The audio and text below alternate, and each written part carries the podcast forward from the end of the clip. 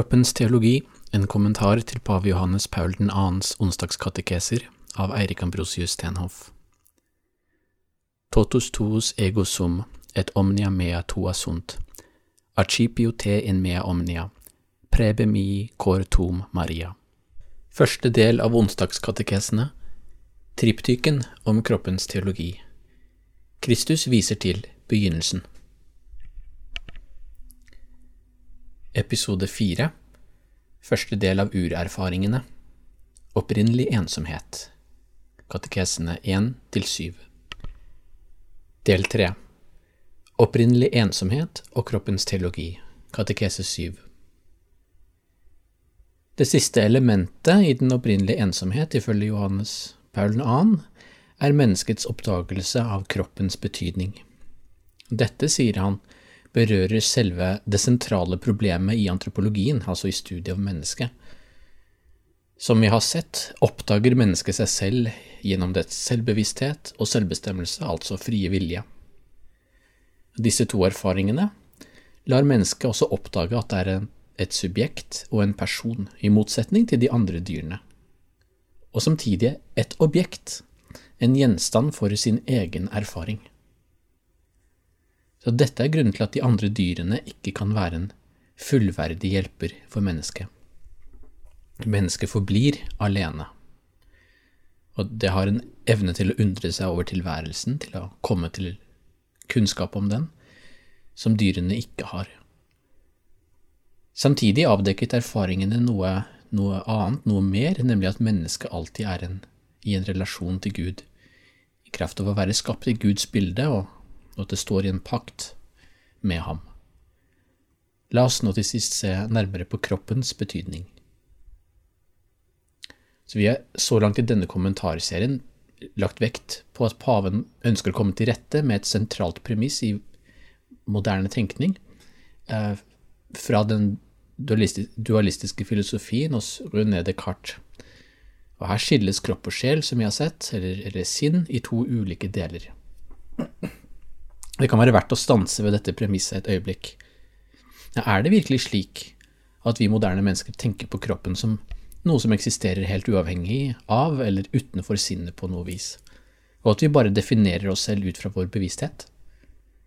Altså det intense fokuset på kroppslighet, seksuell valgfrihet, kjønnsidentitet, til og med kosthold og fysisk velvære i vår tid, synes jo å peke i motsatt retning. Og man kan og bør diskutere hvert av disse fenomenene hver for seg, men eh, er ikke de alle et uttrykk for at kroppen i alle fall i en viss forstand oppfattes som betydningsfull, og som en del av en større helhet, nemlig et jeg? Og på den annen side, vil mange si, står kristendommen, eh, som nettopp har bidratt til å gjøre kropp og seksualitet til noe skamfullt, altså til noe som man helst ikke tenker på eller snakker om, altså et vanlig premiss i dag. Og disse oppfatningene er det unektelig noe sant i, og noe av grunnen til at pavens katekeser er så, såpass revolusjonerende, er jo også at de taler om et tema som ofte har vært neglisjert eller til og med tabubelagt i teologien, eh, særlig de siste århundrene. Samtidig må vi være forsiktige med å ikke identifisere hele den kristne tradisjon på dette området med en slags viktoriansk puritanisme, eller den form for pietisme som har hatt stor innflytelse i vårt eget land, og som har vektlagt de erotiske kreftenes eh, syndige karakter, for eksempel. Det finnes jo i, både i den større vestlige og den østlige kirketradisjon, som har lagt vekt på skapelsens og inkarnasjonens sakramentale betydning, mange ressurser til en genuin kroppsteologi. Vi må også kunne si at pavens onsdagskatekeser er nettopp et svar på et problem som gjelder den moderne kultur på en særskilt måte, og da må vi se til den moderne filosofiens premissleverandører. Vi kommer tilbake til dette. Så I katekesene sier paven at det som kjennetegner menneskets tilhørighet til den synlige verden, nemlig kroppen, også er det som gjør at vi oppdager at vi skiller oss ut i den synlige verden. Så vår erfaring av kroppen blir en erfaring både av at vi ligner dyrene i en forstand, men også at vi er uendelig forskjellige fra dem.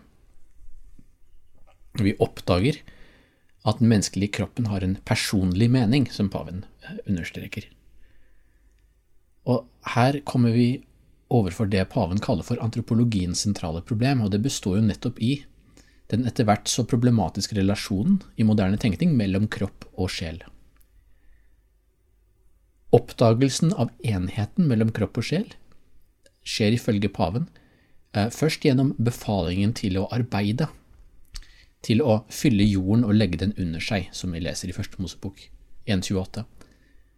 Og bare mennesket, sier paven, er i stand til å dyrke jorden, altså kultivere jorden, og omforme den etter dets eget behov. Og ja, Vi kan tilføye her at muligheten for menneskelig kultur finnes jo nettopp i dette kallet til å dyrke marken. Og kultur er noe som mennesket har, som dyrene ikke har. Alt dette ville være umulig, fortsetter paven, uten en intuisjon av det særskilt menneskelige ved vår egen kropp. Så oppdagelsen av kroppens betydning skjer ikke gjennom en slags metafysisk analyse, men gjennom menneskets subjektivitet, gjennom dets erfaring av seg selv. Og han sier i et, i et veldig viktig avsnitt, sitat, Mennesket er et subjekt ikke bare på grunn av sin selvbevissthet og sin selvbestemmelse, men også på grunn av sin egen kropp. Denne kroppens struktur er slik at den gjør at det kan være opphavsmann til en sant menneskelig aktivitet. Og han fortsetter.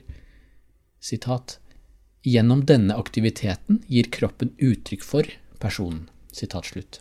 Eller kroppen uttrykker personen.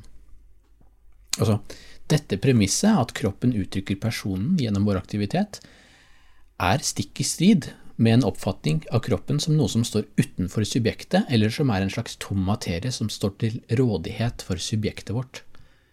Kroppen er alltid uttrykk for personen, for subjektet, fordi den er en uløselig del av selve, selve måten mennesket kommer til en selverkjennelse på og en erfaring av verden. En erfaring av seg selv som subjekt og objekt. Så når jeg uttrykker meg gjennom kroppen i det paven her kaller for en sant menneskelig aktivitet, kommer jeg samtidig til en erkjennelse av at jeg er en person. Denne forståelsen av mennesket kommer egentlig fra pavens filosofiske bakgrunn. Hovedpoenget, kan vi si, i, verket Person og handling og Soba Ichin, er at mennesket konstituerer seg selv som person i det det handler, derav tittelen Person og handling. Og Vi skal komme tilbake til Osoba Ichin i en senere episode, men la oss tenke et øyeblikk over hvor annerledes dette er fra å si at, at mennesket konstituerer seg selv som en person i det det tenker. Forskjellen på handling og tenkning. Så dersom tenkning er det som virkelig utgjør min identitet som person, som personlig subjekt, vil det naturligvis ha mange konsekvenser for hvordan jeg ser ikke bare på kroppen min, men på hele verden. Kroppen vil være en potensiell gjenstand for min egen definisjonsmakt, som jeg har sagt, fremfor å være det som faktisk definerer meg. Og dette gjelder i vår tid på en åpenbar måte menneskets kjønn, eh, men også vår kroppslige begrensning mer generelt. Så den, den bioteknologiske manipulasjonen av kroppen, eksempel, som av og til uttrykkes som en utopisk orientert transhumanisme, kan egentlig bare være mulig dersom kroppen først og fremst ses på som en nøytral materie, og til og med som et mulig hinder nettopp for min evne til overskridelse. Og paven sier det egentlig helt motsatt. Det er kroppens struktur som er med på å uttrykke selve min person i alt jeg er og gjør. Mennesket er fritt, og det har selvbevissthet, men bare i og gjennom en kroppslig eksistens. Og det er en subtil, men viktig forskjell på å si at jeg har en kropp, og at jeg er en kropp. Jeg er min egen kropp. Paven følger dette opp med å slå fast at kroppen, altså så materiell som den enn kan virke, fremstår nesten gjennomtrengelig og gjennomsiktig. nettopp ved at den avdekker hvem mennesket er. Dette er det motsatte av en kartesiansk filosofi enn den dualistiske filosofien til Descartes, hvor kroppen fremstår ugjennomtrengelig, og sinnet, eller sjelen, er det eneste som egentlig kaster noe lys over hvem mennesket er. I en tale Karol Wojtyła holdt under Det annet Vatikankonsil, sa han at det dypest sett finnes to måter å leve på i en ensomhet vendt mot Gud, solitudo ad deum, og en ensomhet vendt fra Gud, bort fra Gud, solitudo ab deo. Dette er forskjellen, sa han, på en ateistisk og en teistisk eller kristen tilnærming til livets mysterium. Kroppens teologi gir en skildring av den opprinnelige ensomhet der mennesket er vendt mot Gud, først og fremst. Det er en vending mot selve livets kilde og formål, og resten av skapningen, i motsetning til en slags tilbaketrekning til ens eget subjekt. Og konteksten Wojtyła sa dette i, var debatten om ateisme i forbindelse med konstitusjonen Gaudium et spes. Her tematiserte kirken, som vi har sett, for første gang i et offisielt dokument ateismens problem, på en uredd og samtidig ydmyk måte. Kirken erklærte at mennesket fra selve Opphavet er kalt til fellesskap med Gud, men det erkjente også at Kirken har sin del av skylden for at mennesker har falt fra troen eller aldri kommet til den, ved at kristne selv ikke har levd etter eller lært den autentiske tro. Så ateismen må avvises med ettertrykk, skriver konsilfedrene her, men kirken vet likevel at alle mennesker er skapt for Gud, og at hennes budskap samsvarer med menneskets dypeste lengsler og løsningen, som vi har sett, formulerer Kirken i den berømte paragraf 22. Det er bare Kristus som virkelig kan besvare menneskets lengsler og uh, spørsmål, og som kan kaste lys over menneskets mysterium, som det heter. Og Dette ser vi også i den første del av triptyken om kroppens teologi. Altså, når fariseerne kommer til Jesus og spør ham om betingelsene for skilsmisse, peker han jo mot begynnelsen, mot menneskets grunnleggende vilkår fra skapelsen av. Fariseerne forsøkte å stille ham til veggs, de var ikke på jakt etter sannheten, kanskje, men ønsket å finne en fiks måte å teste denne populære rabbineren på.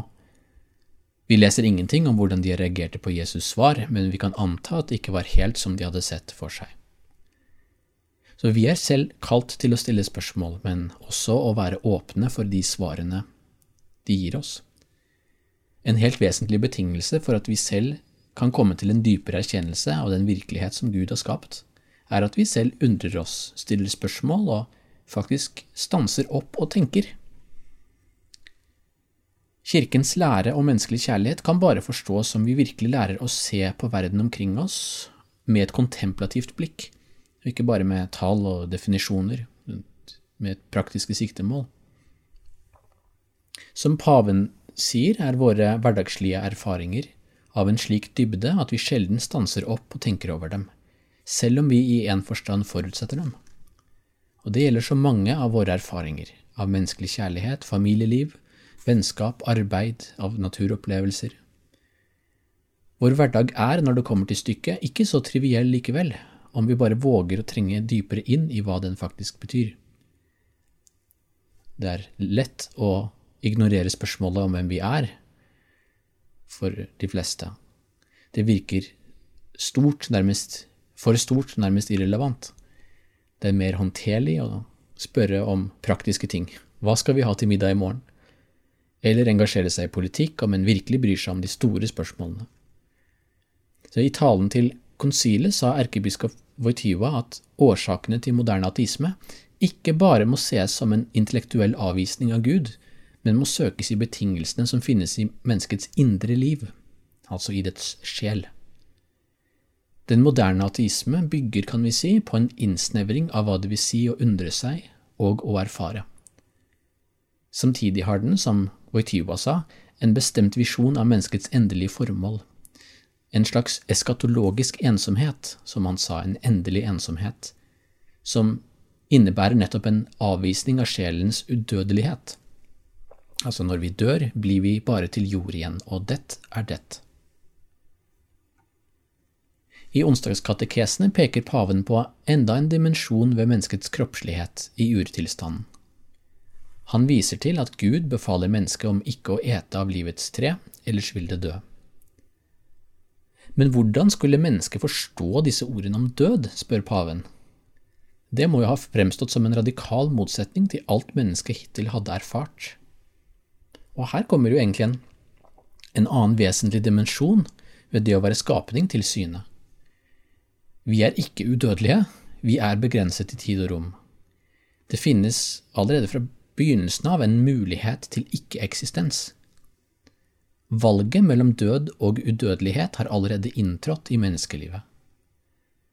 Men som vi har sett, var, var det valget også allerede innbefattet i Guds frelsesplan. Den eskatologiske, altså endelige mening med kroppen vår og med menneskeheten som helhet, blir tydeliggjort her, sier paven. Og vi har, kan vi si, i motsetning til dyrene, en mening ikke bare i vårt liv, men i vår død. Og vår død er, som vi vet, i Guds frelsesplan blitt en ny vei til udødelighet. Her finner vi også den dypeste forskjellen på en ateistisk vending bort fra Gud og en kristen vending til den Gud som har skapt oss, og som har en endelig plan for oss. Vår kroppslige død er ikke noe vi trenger å frykte, eller lage utveier for gjennom vår teknologiske oppfinnsomhet, men en realitet vi må akseptere. I neste episode skal vi se nærmere på hvordan den andre betydningen av menneskets opprinnelige ensomhet åpner opp for det paven kaller opprinnelig forening. Gloria patri et filio et spiritui sancto, sicut erat in principio et nunc et semper, et in secula seculorum. Amen.